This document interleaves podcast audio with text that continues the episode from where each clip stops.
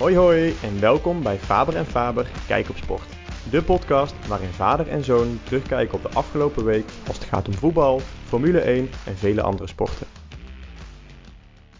Welkom weer bij een nieuwe podcast van Faber en Faber Kijk op Sport. We gaan deze week weer eh, terugkijken op uh, veel sporten, een stukje vooruitkijken. Er zijn uh, veel toernooien gaande, toernooien die gaan beginnen zoals Tour de France.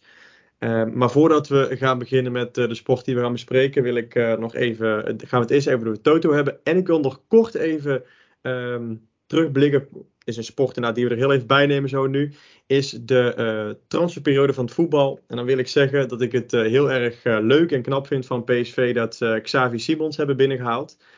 leuke verrassing dat ze hem ook hebben weten vast te leggen voor vijf jaar. Dat wil ik heel kort even benoemen. En um, vind ik als PSV natuurlijk uh, leuk. Um, gaan we nu even door naar de Toto. Of jij moet er nog iets over willen zeggen, pap? Thomas, uh, inderdaad, leuk. We zijn weer van start. En ja, je knalt hem er gelijk in. Xavi Simons. Jaime Rodriguez werd ook al genoemd. Volgens mij is dat een broodje aap verhaal. Maar Xavi Simons vind ik toch erg wel verrassend. Um, uh, verrassend in die zin van dat ze hem ook nog een keer uh, zelf op de, uh, op de loonlijst krijgen. Oftewel dat ze hem een contract aanbieden voor vijf jaar. En dat had ik niet verwacht. Paris Saint-Germain dacht ik, die wil hem toch wel behouden. Want het is op zich een goede voetballer. Volgens mij zien zij ook wel potentie in hem.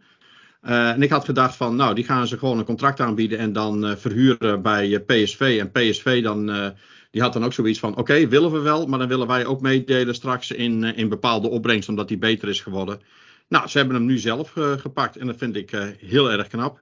En het is natuurlijk ja. altijd een, uh, ja, een risico, of een risico. Ja, het is gewoon een, een, een, een ja, die jongen heeft zich nog niet echt, hij heeft iets van een paar wedstrijden meegevoetbald in het eerste van Paris Saint-Germain. Elf. elf, nou precies, maar dat is veel. oftewel, ja, maar van, wel, het, hij heeft natuurlijk wel heel de jeugd bij Barcelona doorlopen. Hij heeft natuurlijk bij Paris Saint-Germain sinds 2019 Um, waar, waarbij hij natuurlijk met Neymar, met Mbappé, met Messi heeft gespeeld. Met grote, de grootste van de grootste natuurlijk, waar hij ook veel van geleerd heeft. En um, ja, die jongen wil gewoon ja. nog speelminuten maken. Dus ik, ik geef hem ja. groot gelijk. Precies, helemaal mee eens. Maar je zal ze de kost niet geven die een paar wedstrijdjes gevoetballen hebben en uh, nooit meer uh, boven komen drijven. Maar chapeau voor, voor PSV. En ik denk dat dit de stempel is van Marcel Brands. dat is denk ik wel, wel duidelijk. Ja, we komen nog even terug op de Toto. Uh. We begonnen met een stand van uh, 11-7 in mijn uh, voordeel. We hadden de eerste Toto, dat was uh, Nederland-Wales. Um, jij, of, jij zei 3-1. ik zei 2-0. Nou, beide hebben we het niet goed gehad. Ik want, zat weer dichtbij, hè? Ik zat weer dichtbij. Ja, wat was die uitslag van Nederland-Wales? Ja, 3-2. Dat was toen 2-1 tot de laatste, volgens mij de 92 tot de laatste minuten. En toen maakte Wales natuurlijk die penalty, maakte ze 2-2. En toen maakte Neymar natuurlijk in de allerlaatste seconde maakte ze 3-2. Maar uh, eigenlijk was Nederland zoveel beter dat ze makkelijk die 3-1 erin hadden kunnen leggen. En dan was het gewoon over en uit geweest. Maar, Wie zei jij? Uh, Neymar? Depay bedoel je? Ja, zei ik Neymar? Ik bedoel Depay. Ja, ik, zat nog, ik zat nog zo met Neymar in mijn hoofd van, van Paris Saint-Germain. Maar ik bedoel Depay inderdaad, ja. Ja, oké. Okay. Nou, beide dus niet. Uh, dan de volgende, dat was uh, de Grand Prix van Canada. Ja. Wie eindigt boven wie? Uh, Checo of Leclerc? Nou, jij zei Leclerc. Ik zei Checo Perez. Nou, je begon al van, oh god, dat heb je gewonnen, omdat Leclerc achteraan moest starten. Maar uiteindelijk viel Checo uit. En nou ja, dat was een easy peasy voor Leclerc, werd vijfde. Dus dat is een punt voor jou, Thomas. 11-8. Ja. Dan de volgende, Duitsland Italië uh, hadden we een toto. Jij zei winst Duitsland, ik zei winst uh, Italië. En dat werd een ruime, eclatante overwinning voor Duitsland. 5-2. Ja, uh, Volgens mij stonden ze met 5-0 voor en werd het uiteindelijk 5-2. Dus een punt voor jou, 11-9. En dan hadden we de laatste nog. De, wie komt als eerste, wie raakt als eerste en wie, wie gaat als eerste in de Wall of Champion in de Formule 1 Montreal. Jij zei Schumacher met een schuine streep Latifi. Nou, je had twee keer kans en twee keer niks. Ik zei Stroll, ja, werd hem ook niet. Die wist zelfs uh, de race uit te rijden. Dus daar geen punten. Dus ja, je bent uh, mooi ingelopen van 11-7 naar uh, 11-9, Thomas. heel goed. Ja, en was, ja. de Toto, nieuwe Toto, hebben we een paar hele leuke. En die doen we aan het einde van onze podcast. Ja, precies. Dan gaan we beginnen met, hè, waar we net ook mee geëindigd zijn, met de Formule 1 in de Toto. Gaan we beginnen met ehm, ja, eens even te kijken van, er is natuurlijk wat, heel wat gebeurd. De vorige race, zoals we al zeiden inderdaad, hè, Perez viel uit, Leclerc het vijfde. Van alles gebeurd, maar ook ehm, ja, natuurlijk weer wat in het kampioenschap. Max is een stukje uitgelopen. Er is een regel vanuit de FIA gekomen waar we twee leuke stellingen over neer hebben gezet. Ehm, ook een beetje vooruitkijken naar hè, de komende maand. gaan uh, vier races komen in, uh, in vijf weken tijd. Heel wat. Dus uh, daar is de eerste stelling op gebaseerd. En die luidt: het F1-seizoen wordt in juli beslist. nou, in juni betekent inderdaad vier races. We beginnen komende zondag, of komend weekend, en dan zondag de race Silverstone. We hebben Frankrijk, Le Castellet. We hebben Spielberg en we hebben de Hungaroring. Vier keer, vier keer Europa, uh, vier keer uh, dikke vette punten voor uh, Max. Dus ik denk inderdaad dat die, als we het, de vakantieperiode ingaan, dan hebben we dus 13 races. 13 races, heeft hij nu 6 gewonnen. Nou, ik ga ervan uit dat hij drie van de vier wint. Dan heeft hij oftewel 9 van de 13 heeft hij gewonnen. En die andere, ja, komt hij ook podium. Dus volgens mij ja, gaat deze man uh, het uh, kampioenschap uh, al redelijk snel verzilveren. Dat, dat denk ik wel. Hij, ja? En ik, ik, ik, lees dat ook gewoon toch wel op de verschillende sites. Ehm, ja, dat zegt natuurlijk niks. Het, het, enige belangrijke is betrouwbaarheid. Dat hoor je iedere keer weer terugkomen. Betrouwbaarheid, betrouwbaarheid, betrouwbaarheid. Als ze dat onder controle hebben, dan, dan denk ik gewoon dat hij, ja, dat hij uh, ik denk een race of drie van tevoren uh, kampioen is. En uh, ja, dat, uh, hij is, hij is ja, wat hij ook liet zien tijdens de, de Grand Prix van, van Montreal. Hè, en dat die Sainz hem gewoon in de nek zitten hijgen gewoon. En ja, dat hij dat dan toch volhoudt. Hè, en, en, en, en echt zo goed. Hè, dan heeft hij, die, die Sainz, die heeft eigenlijk zijn snellere auto en ook nog uh, eh, DRS-voordeel. Ja, en hij, hij, hij, hij weet dat nog iedere keer weer uh, te counteren, et cetera.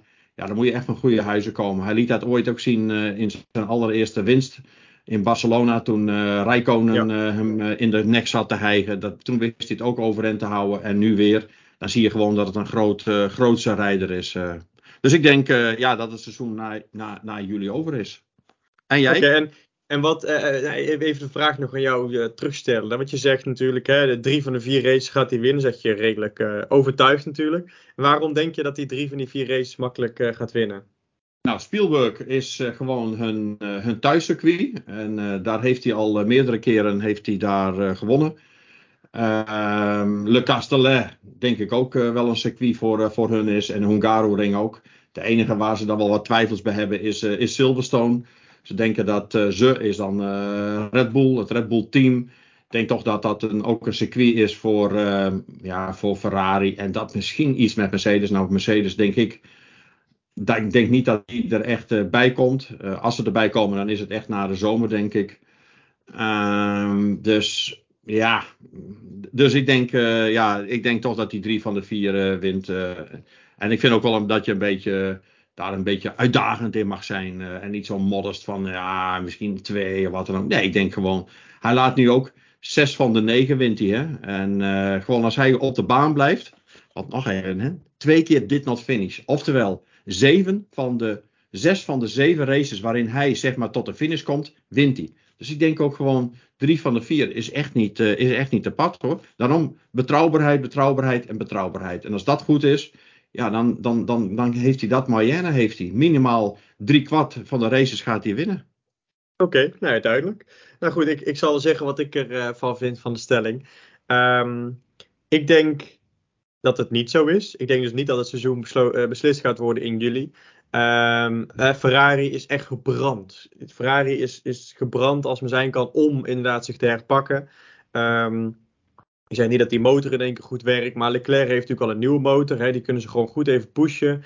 Um, ze hebben al lang, uh, ze hebben al lang het uh, op zich genomen, gezegd van, nou, weet je wat, we gaan er gewoon voor om, uh, om die motor. We gaan toch nog wel een keer een, een, nieuwe motor moeten steken bij Leclerc. Dus we gaan er gewoon voor. We gaan gewoon deze komende vier races vol pushen. Ehm, dus ik zie daar Leclerc niet direct uitvallen. Ik denk dat Ferrari inderdaad gebrand is om te winnen. Uh, wat je zegt, Hungaro-ring is juist een heel erg mooie Ferrari-baan in mijn opzicht, hè, zoals ik het bekijk. Korte draaien, veel curbstone pakken. De enige team wat echt curbstone kan pakken is Ferrari. Daar is die auto echt voor gebouwd en die uh, gewoon niet. Die is daar minder goed in. Misschien, het, misschien dat het pakket wat in Silverstone gaat komen van Red dat iets bij helpt. Maar ik denk dat juist de Hungaro-ring wat is juist voor Ferrari. Wat je zegt, Silverstone denk ik ook wel. Um, ik denk dat, um, dat inderdaad hè, de, de, Red Bull ring is misschien nog wel Red Bull uh, terrein. Maar over het algemeen was Red Bull altijd heel goed toen zij natuurlijk ook veel meer beter chassis hadden en minder van de snelheid moesten hebben. Het is nu omgedraaid. Ferrari is beter chassis. Red Bull heeft iets meer van de snelheid. Dus ja, misschien dat Red Ferrari er ook wel kan stunten. En dan heb je nog natuurlijk uh, ja, Le Castellet, Paul Ricard, zoals je zegt. Daar kan uh, natuurlijk Red Bull ook wel eens een punten pakken. Maar ik denk dat het zeker om het even zal liggen. Misschien dat het juist wel 3 om de 4 is voor, uh, voor Leclerc. Um, Max is inderdaad beter. Ik, ik vind dat je helemaal gelijk hebt. Ook hoe prachtig die uh, Sainz achter zich houdt. Sainz maakt hier en daar overal wel zijn foutjes in die race. Als hij achter Max aan zit en Max gewoon foutloos rijdt hij naar de finish toe. Net zoals in 2016 in zijn eerste overwinning met Kimi Räikkönen achter zich maakte hij ook geen fout. Dus dat is wel waar. Maar toch denk ik dat, uh, dat Ferrari uh, terug gaat vechten. Um, het gaatje met Verstappen zal iets kleiner worden misschien. Misschien blijft hij gelijk, dat weet ik niet. Maar uh, ik denk niet dat het beslist gaat worden. er kan van alles gebeuren. Red Bull kan ook nog zomaar twee keer uitvallen. Dan is, het, dan is het wellicht weer helemaal open. Dus ik denk niet dat het beslist gaat worden. En ik denk dat Ferrari nog wel het een en ander gaat doen. Dus dat, dat is mijn visie erop. Oké, nou goed. We zullen het uh, zien uh, eind, uh, eind juli, begin augustus. Ja, precies. Als we de zomerstop ingaan, laat ik het maar zo zeggen. Nou goed, hebben we allebei onze mening daarover geuit. Hebben we nog een, een stelling. En die komt eigenlijk is gebaseerd op de FIA-maatregel die um, eigenlijk de donderdag voor de race in Canada werd geïntroduceerd. En ging over purposing. Nog even voor uh, de luisteraars die misschien denken, wat is purposing? Nou, hè, purposing is vernoemd naar de, de bruinvis die eigenlijk zo heel mooi van onder het water naar boven springt en weer onder en naar boven. En eigenlijk een hobbelend effect en dat komt vanuit dat de auto, hè, we hebben, dit jaar hebben we grondeffect, dus eigenlijk alle zuigkracht, alle downforce van de Formule 1 auto's wordt uit de vloer gehaald. Die zuigt die auto zo dicht naar het wegdek toe dat op een gegeven moment um, komt hij of over een hobbeltje of hij verliest de druk omdat hij gewoon te veel aangezogen wordt. En dan gaat hij omhoog. Maar op een gegeven moment is hij op een bepaalde hoogte dat hij weer gaat zuigen. En dan ga je een stuitereffect krijgen. En dat zie je als je een, een race van Mercedes goed bestudeert. Zie je op het rechte stuk uh, Lewis Hamilton zijn hoofd uh, meerdere centimeters op en neer bounce, laat ik het zo zeggen. Dus dat is purposing. Nou, de FIA heeft maatregelen getroffen. Na aanhoudend zeuren vanuit meneer Hamilton en Mercedes. Um, en toen is een regel gekomen. En um, de stelling die daarop uh, luidt is: de VIA-maatregel om purposing tegen te gaan is gebakken lucht. Uh, ja, ik weet niet of het gebakken lucht is. In ieder geval, ik heb weinig uh, gezien van dat effect in, in Montreal. dat, dat het dat purposing tegen zou gaan. Volgens mij was het ook zo dat er, dat was een maatregel en ook een aanpassing aan de auto. Die bij de volgende, zeg maar, veel structureler doorgevoerd zou worden. Dat was meer met een hulpachtig iets, met een stang of zo. Ik weet het niet meer helemaal precies, maar dan zou het vanaf uh, Silverstone uh, meer, uh, zeg maar, structureel moeten gebeuren. Um, ja, weet je, joh, als, als, als Mercedes, is, ja, wat je zei, meneer Hamilton en dan meneer, maar ook zijn, zijn baas Toto Wolff, die waren behoorlijk aan het klagen. We hebben al eens eerder gezegd, ja, we zijn het er absoluut niet mee eens. Of in ieder geval, ik heb altijd gezegd, en dat is ook uh, de stelling die, uh, die Max Verstappen en zijn team uh, hebben. Je moet niet halverwege het spel moet je de spelregels gaan veranderen. En ja, weet je, dat, dat heeft dus Mercedes gedaan, omdat ze namelijk ja, gewoon niet goed presteerden. Ver onder hun niveau, want dat was altijd het dominante team de afgelopen 7, 8 seizoenen. Um, ja, dus ze hebben het aangepast. Ik weet niet wat ze aangepast hebben. Nou heeft toevallig die meneer Hamilton een keer, is hij een keer derde geworden. Dus volgens mij is ja. de noodzaak nu ook wel iets minder geworden, denk ik. Want nou uh, hoor je hem ook niet meer en je ziet hem ook fris uit het autootje stappen. Dus uh, ja, weet je, ik denk inderdaad dat dat ook ja, gebakken lucht. Nou laat ik het zo stellen, als het wel gebeurt, En Max die zat erover te klagen. Dat was meer een principiële klacht van Max. Maar ik denk als ze inderdaad die auto iets omhoog moeten liften. Want dat zal dan met name gebeuren met, het, met, met, met dat purposing tegen te gaan. Ja, dan krijgen ze meer weerstand. En dan zijn ze dus ook minder snel. Dus ik denk ja, dat ze daar ook niet op zitten te wachten. Dus ja, ik denk al met al. ja, ik denk dat het gebakken lucht is. Dat denk ik wel. Ja, nou, in deze, ja, deze ben ik het inderdaad met je eens. Ik zal nog even een aanvullen. Het was zo, je mocht sowieso al één stangetje hebben. Dat zie je bij Mercedes ook achterin. Dat is zo'n ijzerdraadje, stangachtig iets. Dat mag je sowieso hebben om inderdaad de bodem, eh, de vloer wat te verstevigen. Nou, had, dan was er een regel gekomen vorige week inderdaad in het... Uh, Technical Directive, zoals we het noemen, TD, was er uh, donderdag voor de race in Canada, was er een Technical Directive uitgegaan van, nou goed, Um, er mag een extra stang komen in de vloer om de vloer te verstevigen. En um, we gaan inderdaad met een hele lastige formule gaan we berekenen um, hè, of een bepaalde, uh, met dan zitten allerlei punten en meetdata op die auto, gaan we meten inderdaad of een auto binnen een bepaalde range blijft. Die formule moest gemaakt worden aan de hand van de data van de, van de, ja, de, de teams, zal ik maar zeggen, die ze natuurlijk vergaren in de trainingen.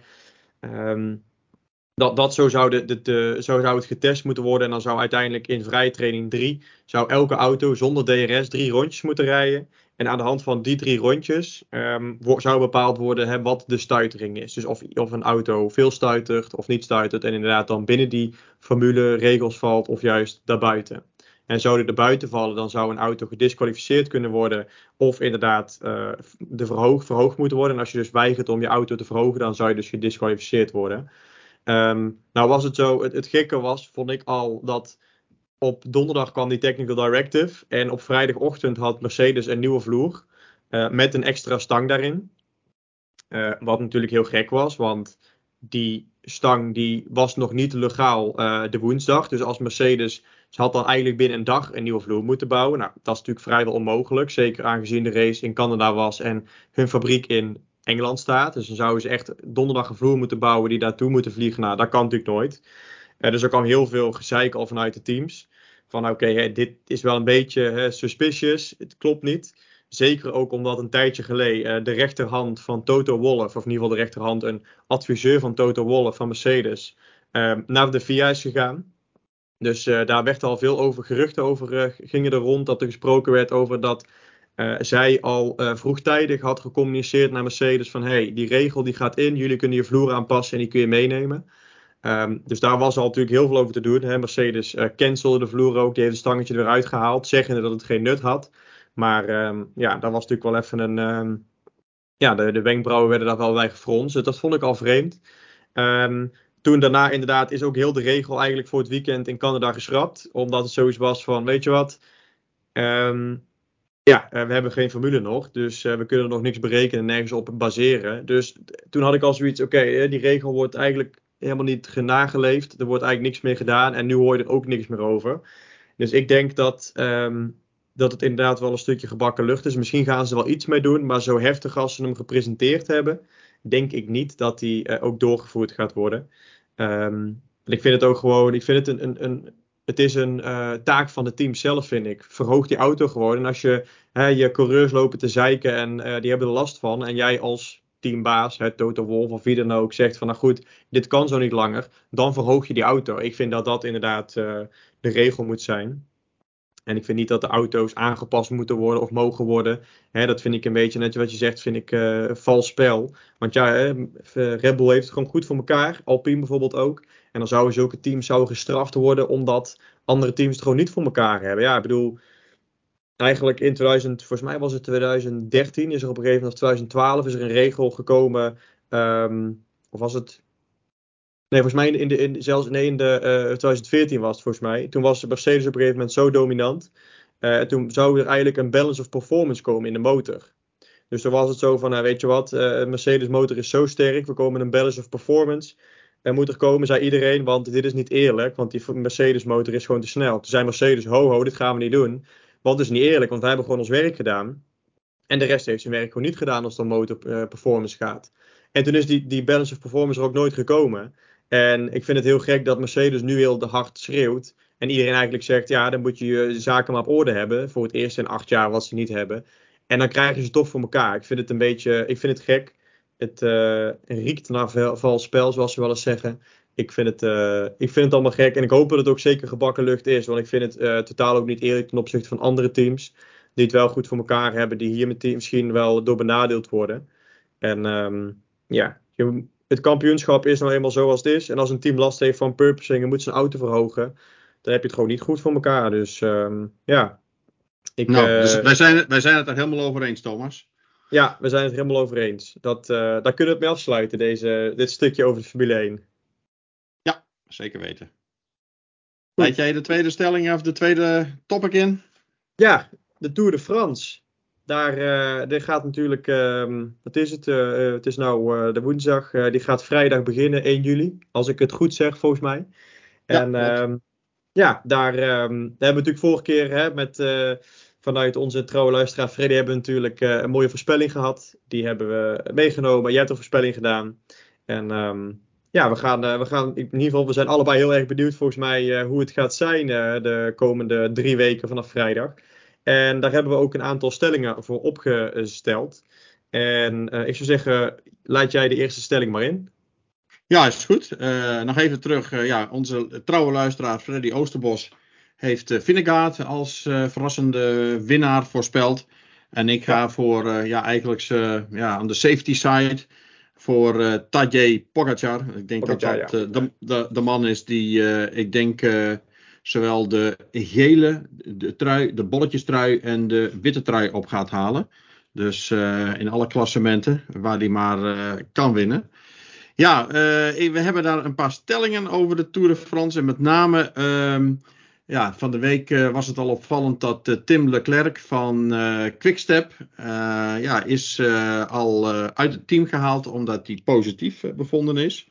Ja. En uh, ja, dus ik denk uh, met name gaat corona nou uh, bepalen wie gaat winnen. Want uh, ja, het, het, het, het, we hadden dat natuurlijk vorig jaar en het jaar daarvoor. Hè, dat de Tour de France toen werd dan ook later op een later tijdstip. dat was in 2020 en 2021 ja, was het natuurlijk ook allemaal nog een beetje kritiek. Mm -hmm. En ook dat bijvoorbeeld. dat was volgens mij in de ronde van Italië toen dat Kruiswijk en het Jumbo-team, ja, die, Kruiswijk was toen positief bevonden. En het hele team van uh, Jumbo-Visma werd toen uit koers gehaald. Ja, dat was zo van, goh, cross your fingers, dat ons team ja, niet op een of andere manier belast wordt met, met corona. En ja, nou, zijn we, nou dachten we, hé, hey, nou zijn we er redelijk vanaf. En zeker in de open lucht en in, in de zomer, et cetera. Maar ja, het zou best zo eens kunnen zijn dat uh, corona misschien wel uh, bepaalt wie gaat winnen. Want stel nou dat een uh, Pogacar dat tegenkomt. Ja, dan, dan is het denk ik met twee vingers in de neus. Dat of Roglic of Vinegaard, en dan denk ik nog altijd Roglic, het gaat winnen. En ook bijvoorbeeld zo'n Romain Bardet. goede Franse wielrenner, met name een goede klimmer. En die nu de kopman is van team DSM. Ja, die zei ook al, ja, we zitten in het vliegtuig naar, eh, naar Kopenhagen, want daar eh, start namelijk eh, de Tour de France. En ja, een vol vliegtuig, 90% geen mondkapje op. En ja, daar zit je dan in een afgesloten ruimte, et cetera. Dus ja, die had ook al zoiets van, oh god, als dit maar goed gaat.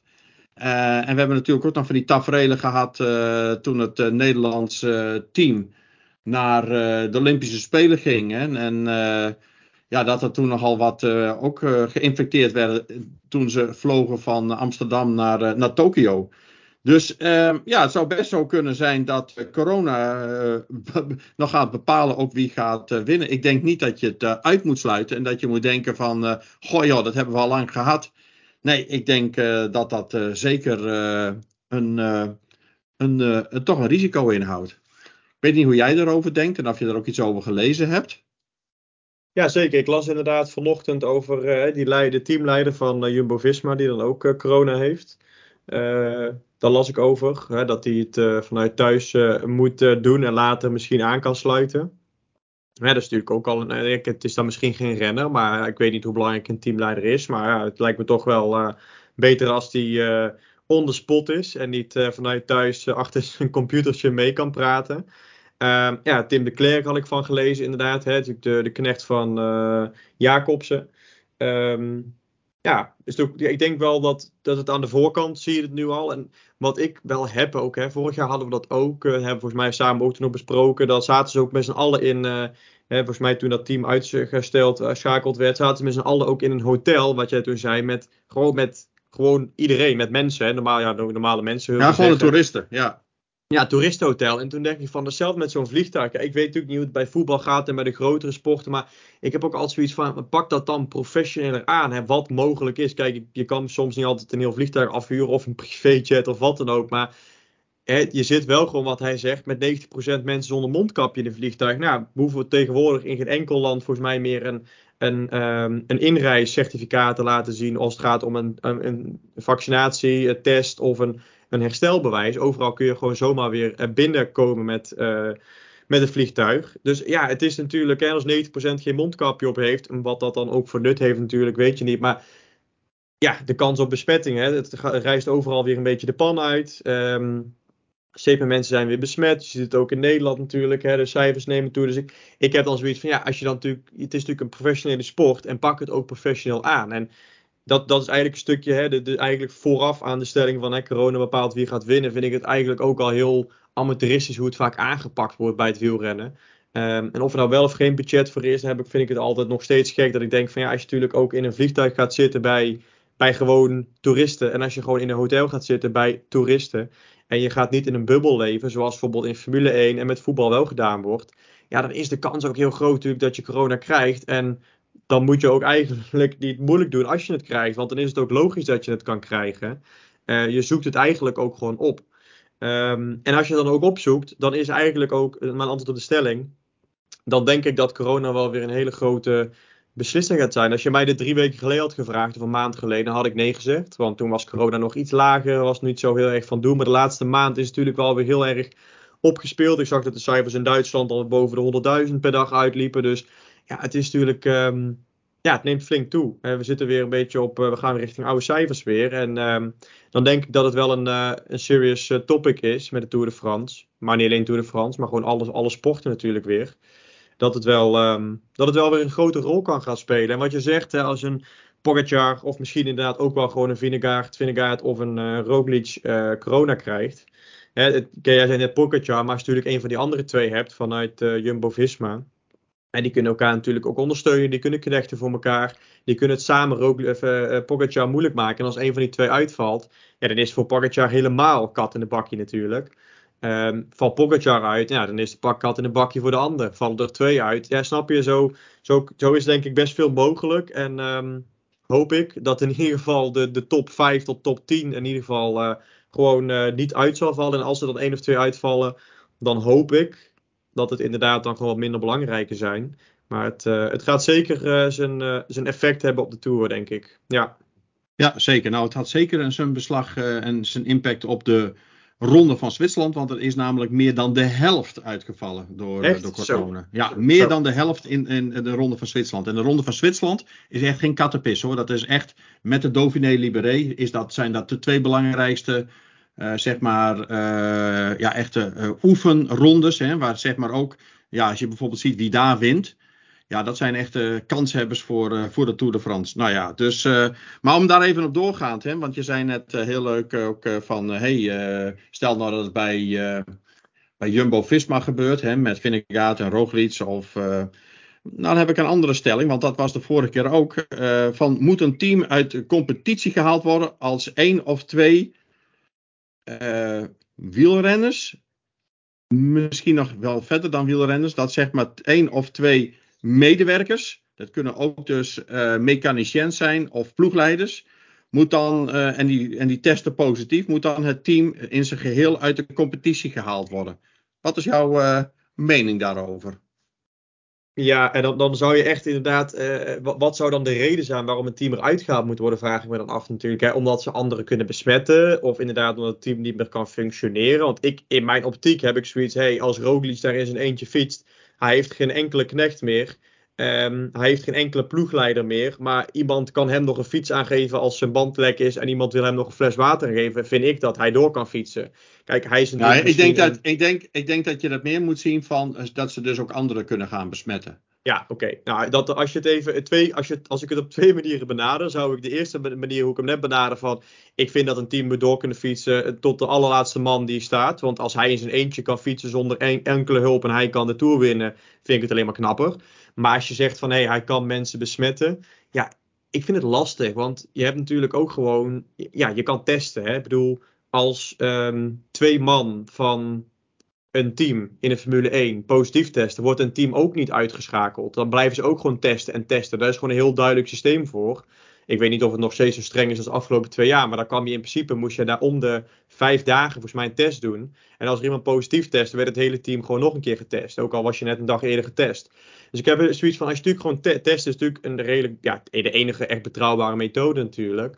Um, en als je gewoon die betrouwbare testen uit blijft voeren, heb ik zoiets van, ja, moet een team eruit gehaald worden als twee man positief zijn? Ja, ik bedoel, je ziet genoeg situaties dat er iemand positief is en dat iemand die samenleeft met die persoon nog niet positief test. Dus als je gewoon die ene persoon direct uit het team haalt bij een positieve test en gewoon in isolatie zet en het rest van het team monitort, ja, je bent toch pas besmettelijk als je, als je klachten hebt. Hè? Als je symptomen hebt, ben je pas besmettelijk. Dus zolang iemand geen symptomen heeft en het ook nog eens negatief test, heb ik zoiets, ja, dan zou ik gewoon zeggen, ga op die fiets zitten. En sowieso, een wielrenner, ze zitten dicht bij elkaar.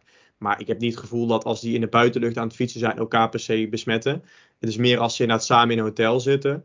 Uh, dus ik, in mijn optiek heb ik zoiets van nee, ben niet te streng. Uh, corona is natuurlijk heftig, maar we zien ook allemaal dat we minder in het ziekenhuis komen en IC's. Dus ja, ik heb zoiets van, ik zou gewoon zeggen, fiets gewoon lekker door.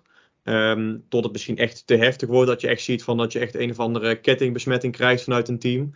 Hè, dan hebben we het niet over één of twee medewerkers, maar dan heb ik het echt over uh, misschien als een team uit 30 medewerkers bestaat, ik roep maar even wat, dat je echt 15 van die medewerkers één of twee dagen besmet hebt. Dan is het een ander verhaal. Maar één of twee medewerkers die ook besmet zijn, dan denk ik van uh, lekker doorfietsen en um, gewoon goed monitoren, goed testen. Maar ja, goed, als zij niet capabel zijn in de Tour de France natuurlijk om die testmaatschappij op te zetten en om dat klaar te hebben staan, dan is het een ander verhaal natuurlijk. Dus ja, dat is even de vraag. Nou ja, misschien uh, is dat ook wel een, een, een deel van, uh, van de oplossing. Dat in ieder geval qua testcapaciteit. En ik weet dat bijvoorbeeld Jumbo Visma daar uiterst uh, zorgvuldig mee omgaat. Ten opzichte van andere teams. Dus die zijn echt aan het testen, testen, testen. Misschien moeten ze dat wel op een of andere manier uh, verplicht uh, gaan stellen. En ja, dat, wij, wij, spreken nu al te laat voor. Want ja, het vergt natuurlijk nogal het een en ander. Ik ja. vind wel ja, dat je. ja, af, ik, ik denk namelijk dat je daar wel wat rigoureuzer best in mag zijn. En dat is in ieder geval ook qua mijn stelling namen daarin. Dat ik denk van ja, om nou andere teams daar niet uh, negatief mee te beïnvloeden, uh, moet je je zaakjes gewoon goed voor elkaar hebben. Het monitoren, et cetera. Dus ik kan me bijna voor kunnen stellen of je, ja, of het nou één of twee is, maar ik kan me voorstellen dat je zegt van als het beneden de drie medewerkers is en je monitort dat door, maar kom je boven de, de, de, de drie, en dan maakt het niet uit of het nou een mechanicien is of een wielrenner, dan is het gewoon zo'n team uit, uit koers halen om andere teams ja, niet te beïnvloeden en niet te, te, infecteren. Want ja, zoals we net al zeiden, vaak zitten die teams bij elkaar in hotels. Ja, niet in één hotel, maar wel meerdere teams in ja. één hotel. Ja, en dan ga je elkaar toch eerder besmetten, et cetera. Want dat loopt toch kriskras door elkaar heen. Dus ik zou daar wel wat strikter in zijn. of dat nou één of twee is. Maar ik zou wel met duidelijk testen. En dat is echt iedere dag testen bij spreken. Met zelftesten om dat goed te monitoren. En kom je boven een aantal van, van drie, ja, dan zou ik zeggen, ja, dan haal je zo'n team uit, uit koers. Om in ieder geval het risico op besmetting richting andere teams te voorkomen. En zeker voor ja. teams die het goed voor elkaar hebben, ja, die mag je daar best wel wat meer in beschermen. Dus ja, dat is meer mijn stellingname. Maar hopelijk, ja, wat, wat is er ervan van gevrijwaard? Dat hoop ik wel. Ja, ik hoop het ook. Want het is natuurlijk ook de vraag natuurlijk van, ligt het bij de teams of ligt het bij de, de organisatie om dat testen goed te regelen? Want als je dan Formule 1 kijkt natuurlijk weer, ligt het bij de organisatie, niet bij de teams zelf. En ik vind dat ook wel een stukje organisatie, want dat Jumbo-Visma het goed voor elkaar heeft, vind ik natuurlijk heel goed. Maar de andere teams dan misschien weer minder. En dan denk ik toch dat het misschien toch bij een organisatie moet liggen om, uh, om dat goed voor elkaar te hebben en niet bij een team zelf. Daar ben ik helemaal met je eens. Daarom zeg ik ook al, terwijl ik het nu zeg, hè, zei ik van ja, dat had je al van tevoren goed moeten regelen. Ja. En dat moet je niet aan de teams overlaten. Dat moet je gewoon aan de Tour de France organisatie overlaten.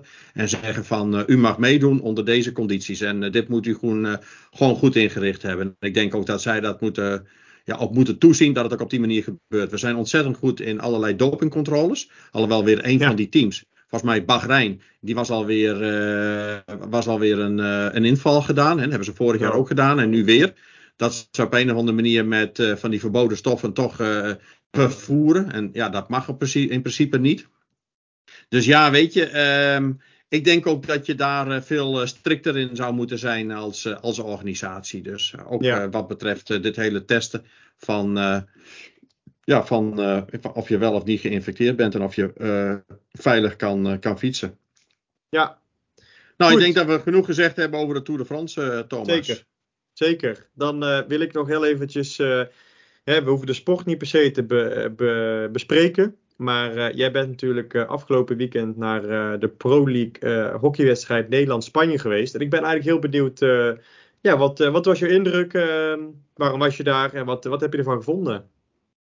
Ja, nou, eh, we hebben de vorige keer al een keer aangekondigd dat eh, een van de grootste hockey eh, internationals qua verdediging, Marcel Balkenstein, een keer in, in onze podcast komt optreden. En Marcel had, had mij uitgenodigd om samen met iemand, en dat is Lieke, jouw moeder, mijn vrouw is zeg maar meegegaan naar, naar die wedstrijd, zaterdagmiddag. Nou, we werden netjes om eh, drie uur werden we ontvangen eh, in, eh, in Den Bosch in het hockeystadion. En ja, we hebben een fantastische wedstrijd gezien. Uiteindelijk gewonnen met 4-3 van, van Nederland. En ik zeg Marcel Balkenstein, maar ik moet ook een heel groot dankjewel zeggen aan eh, Brabant Sport. Dat is zeg maar een stichting die met name topsport pro- promoot in, in Noord-Brabant, maar ook de breedte sport eh, wil promoten. Ook eh, urban sporten, dus zeg maar het uh, pleintjesspel in, in, in de steden willen ze promoten. Maar ook de gehandicapte sport, et cetera. Dus een groot dankjewel aan, aan Brabant Sport. Ja, leuke wedstrijd. Goed verzorgd. Van tevoren en na afloop met een speler van het Nederlands team de voorbespreking gedaan. Waarbij die geïnterviewd werd door, door Marcel. En na afloop uh, kwam uh, Joep de Mol, uh, laatste man van het Nederlands uh, hockeyteam. Die kwam verder nog uitleg geven van ja, het wedstrijdverloop en hoe ze in de wedstrijd hadden gezeten. Nou, wat ik wel begreep van ook een aantal gasten daar die echte hockeyfans zijn, zeiden van nou, er zit in ieder geval weer veel meer strijd en beweging in het team. Um, wat nu onder leiding staat van Jeroen Delmee. Jeroen komt uit, uh, uit ons buurdorp uh, Bokstel. Zijn, ja. dus dat, uh, en daar zit, daar zit gewoon strijd in. En er wordt ook gestreden. En die jongens moeten ook echt hun best doen om uh, weer een plek te veroveren in het team. Want uh, de, de, de oude coach, Max Caldas, dat was, is nu toevallig was hij de coach van, van Spanje. Ja, die had wat meer oog voor de gearriveerde jongens en die hadden altijd een streepje voor. Ja, en dat, dat, dat wrong ook wel een beetje bij, uh, bij de anderen. Ja. Dus uh, ja, nu heeft iedereen weer uh, gelijke kansen. En ja, er zit gewoon meer beweging, zit meer strijd in het team. Ik vroeg ook aan Marcel, is dat dan een beetje meer de Australische, zeg maar, uh, manier van spelen? Ja, zei hij. Alhoewel dat wat meer, uh, ja, wat meer stevige mensen zijn, wat grotere mensen zijn. Dus wij hebben wat, wat dat betreft wat meer kleinere spelers, et cetera. Maar het is wel in ieder geval uh, ja, erop. En uh, ja, het, het, het, er zit meer beweging in het uh, gebeuren. Dus uh, ja, op zich leuk om zoiets een keer mee te maken. We komen niet altijd bij de hockey. Maar ja, zo'n wedstrijd op, op hoog niveau. Met veel doelpunten. een prettige ontvangst na afloop. en de voorkant met de Nederlandse teamspelers ja, uh, wat, wat meer nabij meegemaakt. Ja, het was op zich een, een leuke, mooie beleving uh, zaterdagmiddag. Ja, leuk. En, en je zegt, hè, het is wat meer een. Uh, begint wat beter spel te komen. Hè, en de jongens voelen zich wat beter op, op hun gemak met Jeroen daarmee. Denk je dat Nederland, Nederland een kanshebber is voor het WK Goud bij het volgende WK voor mannen? Ja, dat is dan in 2023. Nou, ik denk dat ze zelf ook wel weten dat, dat, uh, dat er zeker nog veel meer, uh, ja, zeg maar. Ze hebben trouwens de Pro League competitie wel gewonnen. Dus op zich is dat een mooi opstekertje voor, uh, voor Jeroen Dalmee als nieuwe coach. Dus dat is op zich knap. Um, zijn ze nou rijp voor de, voor de wereldtitel? Dat denk ik nog niet. Alhoewel ik niet echt een expert ben. Maar ja, ik begreep tussen de regels door, uh, ja, dat, dat, dat, dat moet dan wel wat meer gaan gebeuren. En uh, daar moet er zeker. Uh, ik, ik, je, soms heb je ook wel eens een paar van die spelers heb je nodig die er echt bovenuit steken. En om nou te zeggen van. ja, de, waren er nou jongens die er echt ver bovenuit staken? Nou ja, dat nog niet. Kijk, dan krijg je jongens als uh, Seffi van As, et cetera. Ja, uh, zijn dat nou de jongens die, uh, die, die nou zo geweldig waren? Nee, het, ik, ik vond het met name de jeugdigheid en, en, en, en, en, en de strijd die aangegaan wordt. Ja, dat was zeg maar de opsteker. Maar ik denk dat er zeker nog veel meer kwaliteit in het team moet komen. Om een, om een kans te maken voor, voor een wereldtitel. Maar in ieder geval, de opgaande lijn is, uh, is te pakken. En misschien kun je het ook wel een beetje vergelijken met het uh, Nederlandse voetbalteam. Wat ook een opgaande lijn heeft. En uh, zeker nu al in de top 10 van de wereld staat op de ranglijst. Nou, dat hadden wij ook niet gedacht een paar jaar geleden. Maar nu met Louis van Gaal zie je ook dat daar de opgaande lijn te pakken is.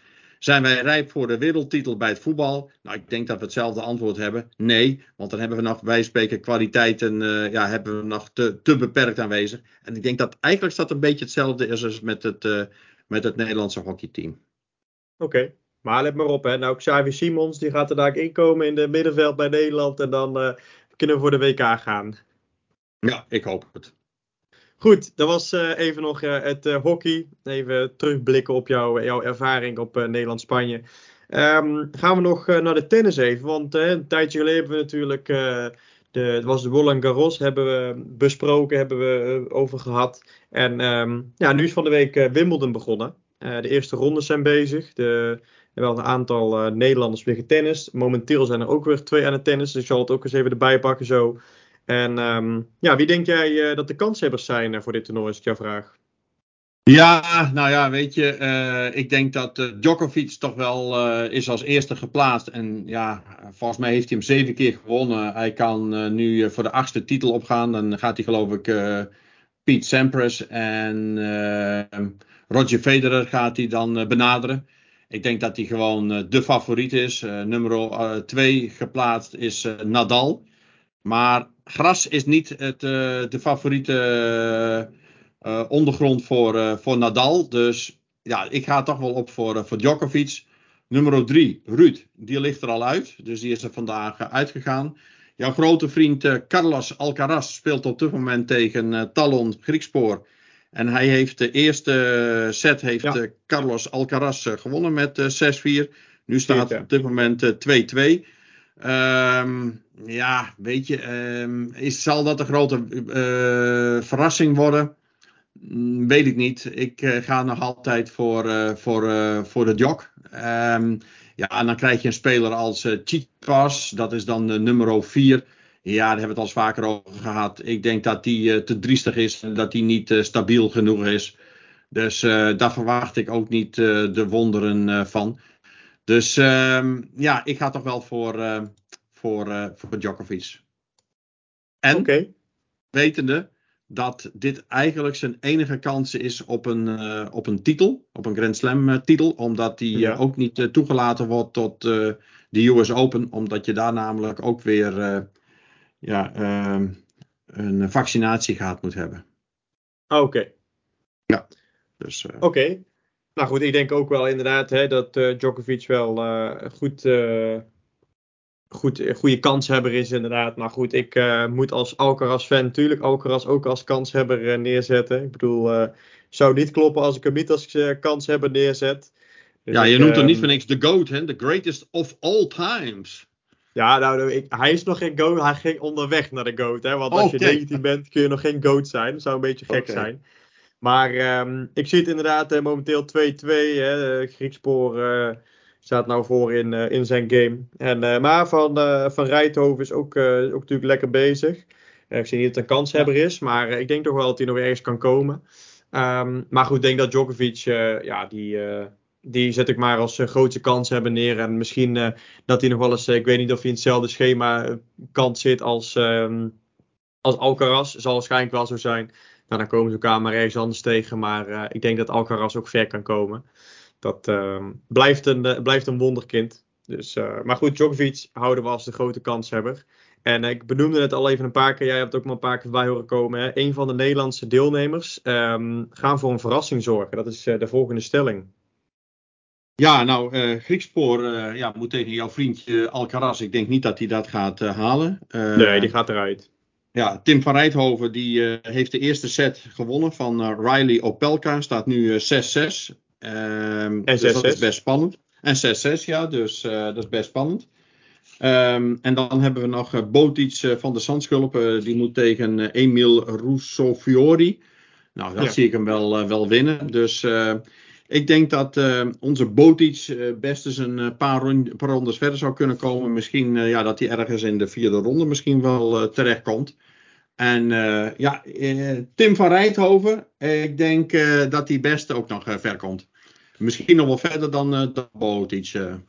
Ja, natuurlijk die Tim. Het is ook niet voor niks dat hij, dat hij, dat hij de Open kampioenschappen van Rosmalen won, hè, de Libema ja. Open. En ja, dat hij toch uh, met VDF van de baan veegde. Uh, ja. Met toch niet een, een, een slechte met VDF. En wat we de vorige keer ook al over hadden. Dus ja, je weet maar nooit met die van Rijthoven. Nee, ik ben het er mee bij. Het staat nou 7-7 in uh, de tiebreak. Dus spannend. Ik denk als je deze 2-0 pakt, dan, dan gaat hij sowieso ook wel, gaat hij wel weer door. Maar ik denk ook inderdaad hè, van Rijthoven. Hij heeft natuurlijk een even tijdje stilgelegen. Want hij heeft na zijn finale tegen Medvedev heeft hij niet meer getennist. Maar um, ja, ik denk ook wel dat hij ook wel uh, ver kan komen. Nou, Botik is gewoon een hele goede tennisser. Dus die, uh, die gaat ook zeker nog wel een aantal rondes verder komen. Nou, Griekspoor denk ik uh, jammer genoeg zoals het is, denk ik dat hij niet veel verder gaat komen. Dat, daar moeten we ook eerlijk in zijn, denk ik. Dus ja, um, ja ik, ik denk zeker dat we wel weer ergens kunnen komen. Maar um, het, zal, het zal niet zo'n verrassing zijn als Van Rijthoven die in één keer in de finale van Rosmalen van met Veda vindt. Zo zal het niet zijn. Dus uh, gaan ze nee. voor verrassing zorgen? Nee, ik denk dat niet. Maar ik denk wel inderdaad dat ze wel toch wel een aantal rondes verder kunnen komen. En uh, het is toch wel heel mooi dat we weer drie Nederlanders in een groot toernooi hebben. Hè, natuurlijk een tijdje geleden dat we dat voor de laatste keer hadden. En dat was met Robin Haas en, en noem maar op al die jongens. Uh, Timo Bakker waarschijnlijk. Dat was altijd uh, niet heel veel soeps, laat ik het zo zeggen. Weinig, daar hoeft je niet veel van te verwachten. Ik denk dat je van deze jongens toch wel meer kan verwachten en mag verwachten. En dat, um, ja, hij staat nou 8-7 voor, dus nog één puntje, dan heeft hij hem te pakken. Dus dat, um, ja, ik denk geen verrassing. Ze kunnen wel een paar rondes verder komen. Oké, okay, nou dan uh, staan we hetzelfde in. Uh, ja. ja, precies. Sluiten we die daar uh, ook mee af. En dan hebben we als laatste nog, voordat we naar de Toto gaan, hebben we nog even het turnschandaaltje van met Sander Wevers. ja, goed, wat is daar allemaal aan de hand? zeg het eens. Ja, ja, we kregen van, ons, van een van onze trouwe luisteraars, uh, collega van mij, uh, kregen we even een tipje hey, van uh, iets met turnen doen. Ja, toen dacht ik van, wat bedoel je dan? Ja, dat was natuurlijk met Sanne Wevers, turnschandaal. Ja, weet je, de vader van Sanne en Lieke Wevers, die is ja, geschorst geweest. uiteindelijk is hij dan niet veroordeeld voor, ja, voor, voor, ja, wat is het, intimidatie, het niet zorgvuldig omgaan met met uh, de gymnasten. En uh, ja, daar, daar vonden natuurlijk uh, Sanne en Lieke, die stonden natuurlijk best wel uh, lastig, stonden ze daarin. En er was een van hun teamgenoten, Vera van Pol, komt geloof ik uit Limburg. En die heeft daar ook in een interview in de Limburger ooit iets van gezegd. Wat niet helemaal lekker viel bij, bij Sanne, bij Sanne Wevers. En destijds is die Vera van Pol is daar ook voor op de vingers eh, getikt uh, dat ze dat niet had moeten doen. Ja. Nou, Sanne die wilde dat toch verder opgepakt hebben, ook door de Koninklijke Nederlandse Gymnastiekbond.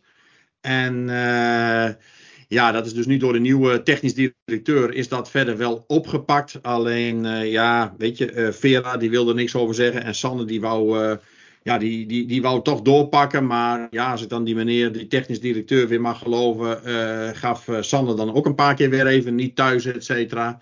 Nou, weet je, het ligt gewoon uiterst gevoelig bij, bij die sporters en bij die, bij die gymnasten, et cetera. En zeker als je vader daarbij betrokken is. Ja. ja. Op een of andere manier ja, trek je toch partij. En als een teamgenoot van jou, ja, zeg maar de andere gymnasten en oud-gymnasten, zeg maar, uh, verdedigt, want dat deed Vera dan een beetje, ja, ligt dat natuurlijk ontzettend moeilijk uh, bij, bij die zusjes Wevers. En dat is ook ontzettend moeilijk. En ik denk ook dat je er heel kort bovenop moet zitten, dat echt de kop meteen met de kop in moet drukken, et cetera, dat dat niet ontstaat, et cetera. En die dames meteen om de tafel moeten hebben en van, jongens, zo gaan we ermee om en zo gaan we er niet mee om, et cetera. Ja, als je dat niet doet, ja, dan ettert dat door, et cetera. En op een of andere manier ja, is dat dan toch door blijven sudderen. Maar weet je, die, uh, dat bestuur dat is weer afgetreden. Er is een nieuw bestuur gekomen, al met nieuwe directie, et cetera. Ja, en ja, dan valt er wel eens iets tussen, uh, tussen wal en schip. Alhoewel deze man zegt dat hij het wel meteen heeft opgepakt. Maar ja, krijgt dan weer die dames niet uh, om de tafel, et cetera. Ja, dat blijft ook lastig. Dus zo makkelijk is het allemaal niet. En ja, nu is Sanne gewoon gezegd van ja, ik wil ook niet meer voor de vertegenwoordigd team komen. Ja, dan denk ik ook, uh, Swa, dat is jouw keuze dan. En uh, ik zou me daar ook verder uh, als uh, bond, ik bedoel, als je je best ervoor gedaan hebt, ja, dan op een bepaald moment houdt het ook op, denk ik. dus ja. ja, weet je, en, en, en, en dat, dat zal ook nog wel een tijdje door blijven gaan, want er kwamen oplossingen aangeboden waar dan degene die dat zeg maar aangeswengeld hebben, die oud-turnsters, et cetera, ik zeg hem geen asters, maar ik bedoel dan de turnsters, ja, die, uh, die, die zijn dan weer niet tevreden, et cetera. Ja, weet je, het is ontzettend lastig, dit soort uh, dingen. Omdat, uh, ja, zeg maar, voor iedereen op een bevredigende manier, zeg maar, opgelost te krijgen. En dat je daar in de toekomst ook, ja, zeg maar, ja, eens en voor altijd van verstoken blijft. Ik denk dat dat altijd lastig blijft. dus het is, het is niet makkelijk. Ja, wat je zegt inderdaad. Ik denk dat het altijd is wat in dat wereldje. Het is toch een aparter wereldje. Um, hè, wat natuurlijk, het is wel professioneel, maar weer niet zo professioneel. Het is natuurlijk best wel hè, um, een klein wereldje waar, waar, waar, toch gekke dingen gebeuren. Waar dingen, gekke dingen gebeurd zijn. Uh, die niet door de beugel kunnen. Die, die, weer niet eruit komen, laat ik maar zeggen. Iedereen wordt vrijgesproken. Iedereen ontkent alles. Ik denk dat er inderdaad um, of een keer een goede bezem erheen moet. Of uh, in ieder geval, uh, er moet iets gebeuren. Maar ja, dit, dit soort uh, schandaaltjes, uh, zoals we het noemen, zullen daar denk ik toch wel blijven een beetje. Want uh, hier is nog niet de onderste steen van boven, laat ik het zo zeggen. En ik denk dat er nog wel, nog wat meer ja, zal, zal gaan gebeuren. Ik denk dat dit een, um, een, een, onderdeel is van wat er allemaal gebeurd is en gaat gebeuren nog. Maar goed, ja, ik ben niet zo heel erg in turnen thuis, maar ik vind het allemaal wel... Um, ik vind het allemaal wat inderdaad. Denk als Sanne Wevers deze beslissing maakt. Prima inderdaad. Hè. Zij weet zelf wat, er, uh, wat de consequenties ervan zijn. Ja, ze is natuurlijk ook alweer uh, redelijk op leeftijd, 30. Ja, ik weet niet hoe 30, lang, ik weet ja, niet hoe, ja. ja, ik weet niet hoe lang die door kan gaan als turnster. Maar Nou. volgens mij uh, niet al te oud. Um, volgens mij is het volgens mij rond die leeftijd ook wel op een gegeven moment wel goed. Dus ik denk dat het ook wel een, een dubbele beslissing is. Zo van weet je wat, is op een gegeven moment ook wel goed geweest. Ik heb een Olympische gouden medaille gewonnen en uh, Ja. ik, ik hou het voor gezien en ik uh, neem er met deze, deze manier afscheid van. Nou, zij dat zo wil, prima. Ik, Nou, uh, weet je, en daar, daarmee wil ik het afsluiten. Weet je, je, je noemt haar net Ja. 30 jaar. En weet je waar dat soort problemen ook veel komen? Wanneer ze beginnen, zijn van spreken nog kinderen. Echt kinderen. Ja, 15. Ja, en soms nog jonger ook. En en Ja. wat krijg je dan? Hoe, hoe, en, het, en je wilt toch topsport beleven. Dus ja, Ja. Die, die, die, die coaches, ja, die zitten er soms ook heel strak in natuurlijk. Schieten wel eens door, denk ik. Ja. Maar als je wat, wat, wat volwassener bent, dan kun je er soms beter, eh, wat beter mee omgaan. Dan kun je soms ook wel eens een weerwoord geven. Maar als je werkt met dit soort eh, ja, kinderen, ja, dan kan het wel eens. eh, en ik praat echt niet goed hè, met die coaches. nee. Maar dan krijg je in die hele sportbeleving dat je denkt van ja, als je met die kinderen werkt, ja, dan kan dat wel eens eh, uit de hand eh, lopen hier en daar. ja, je- Dus je ik denk ook- dat je dat ja. altijd. Ik denk dat je het altijd blijft houden. En zoals je ook altijd blijft houden met wij spreken doping bij, bij wielrennen. Dat zijn dingen die krijg je nooit helemaal uitgesloten. Dus ja, je, Nee. je, je zou het misschien wel graag willen. En het zou ook moeten. Maar je krijgt het nooit uitgesloten. Omdat dat altijd ja, op een of andere manier inherent eraan blijft eh, kleven. Ja, nee, dat is helemaal waar. Ik denk ook, ik zeg, het is, op een 15-jarige leeftijd kun je ook geen professionele samenwerking hebben met een, een volwassen man en een, en een meisje van 15. En die moeten dan professioneel samenwerken. Ik vind het ook eh, eigenlijk van de zotte. Ze zouden daar eigenlijk een, een, eh, een, een bepaalde ja, limiet aan moeten leggen. Net als Formule 1, dan mag je pas op je 18e inkomen op dit moment met de superlicentie. En dat vind ik hetzelfde bij turnen. Doe gewoon 18 of in een bepaalde leeftijd dat die meisjes toch wel wat volwassener zijn. Ehm, misschien dat het dan wel wat anders wordt. Nou goed, er is in ieder geval uh, heel veel um, te verbeteren in dat wereldje. Maar zoals je zei, ik denk dat het goed is om daarmee mee af te sluiten.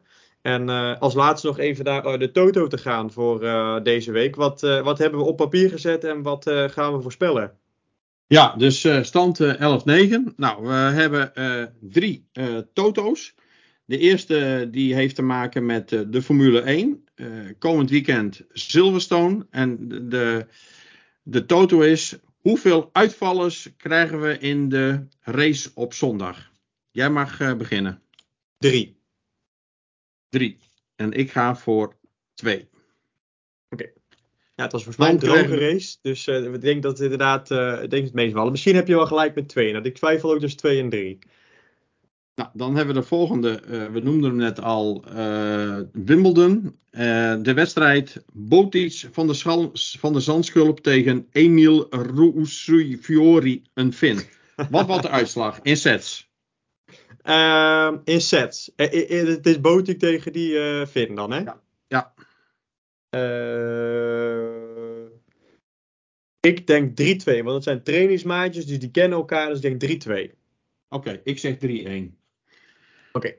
En dan hebben we de laatste. En je begon al uh, helemaal in het begin zeer enthousiast over uh, de komst van uh, Xavi Simons. Nou, je raakt ook helemaal enthousiast als ik zeg van Luc de Jong. Komt hij wel of komt hij niet? Ook ja. eentje. Is het welkomen of dat hij niet komt? Wat zeg jij? Ja, hij komt. Hij komt. Okay. Volgende week. Oké, okay. en ik zeg dat hij niet komt. Oké. Okay. Maar dat moet er wel een hele lange toto in zitten, hè? 1 september. Ja, maar of weet niet. je, als hij uh, straks ergens anders naartoe gaat, dan gaat hij niet uh, naar PSV meer toe. Dus nee, ik denk, denk, dat hij gewoon. Ik denk uh, binnen nu en twee weken. Ja, binnen nu en twee weken kun je denk ik wel zeggen of drie weken waar hij naartoe gaat. Ja, dat denk ik ook. Dus ehm, dat zijn de drie. Okay. Uh, weer hele drie aparte. We hadden het altijd over voetbal. En ja, eentje zit dan wel met voetbal. Maar ja, dat is natuurlijk toch wel weer wat anders. Gaat een transfer door, ja dan nee. Uh, dus heel leuk. Dus uh, ja, ik, hiermee sluiten we het ook af. Zoals je net al noemde. Dus we hebben denk ik weer voldoende gehad over de Formule 1. Het fietsen. Tour de France is aan bod gekomen. Even teruggeblikt op een bezoek aan de Pro League hockeywedstrijd. Tennis, Wimbledon hebben we even uh, aangestipt. We hebben zelfs even bij turnen uh, stilgestaan. Dat is in ieder geval een sport die we tot nu toe nog niet hadden uh, aangeraakt. Dus ik denk dat we steeds allrounder worden, Thomas. in ja. behandeling van, van, van, van, van topsport en van sport en onze kijk daarop. Daarom. En we kunnen inderdaad overal hebben we wat over te mededelen. Hebben we onze analyse en onze mening over. En om het, uh, we hadden het net over, over uh, de tennis. Nou, het is, uh, het is ondertussen 1-1 geworden bij Tim van Rijthoven. Hij heeft de tiebreak verloren. Dus wordt nog spannend daar. Ik dacht, ik laat het nog even weten. Um, ja, goed. We hebben natuurlijk weer veel besproken. Um, hopelijk um, hebben jullie ook weer genoten van wat we allemaal besproken hebben. Heb je nou zoiets van, hé, hey, ik heb net zoals andere luisteraars wel eens wat... dat ik graag hoor wat jullie bespreken in, in, ja, een, een, een suggestie inderdaad, waarvan je zegt, nou, die, uh, daar zou ik graag iets over horen. Of je hebt misschien wel zelf iets wat je mede wilt delen in de, in de podcast. Deel het zeker op het volgende e-mailadres. Uh, kop hem in, pap. Faber en Faber, kijk op sport, apenstaatje, gmail.com. Helemaal top. Daar mag je naartoe inderdaad. Dat mag ook altijd, uh, als je ons nummer hebt, whatsappen. Het mag via Instagram, via Facebook, maakt niet uit als je ons maar bereikt, is het altijd goed. Dan uh, gaan wij daar zeker uh, mee aan de slag met de suggestie of met de opmerking inderdaad die uh, ingestuurd wordt. laat ik altijd zeker even een review achter op het kanaal waar je luistert. Of als je via Spotify luistert, geef even 5 sterren. Vinden we altijd leuk. En dan ehm, ja, kan ik er vanaf mijn kant voor deze week weer afsluiten. En ik sluit me er helemaal bij aan. En ik wil luisteraars weer hartelijk danken voor het beluisteren van deze podcast. Ik zou zeggen, tot de volgende keer. Doei doei. Doei doei.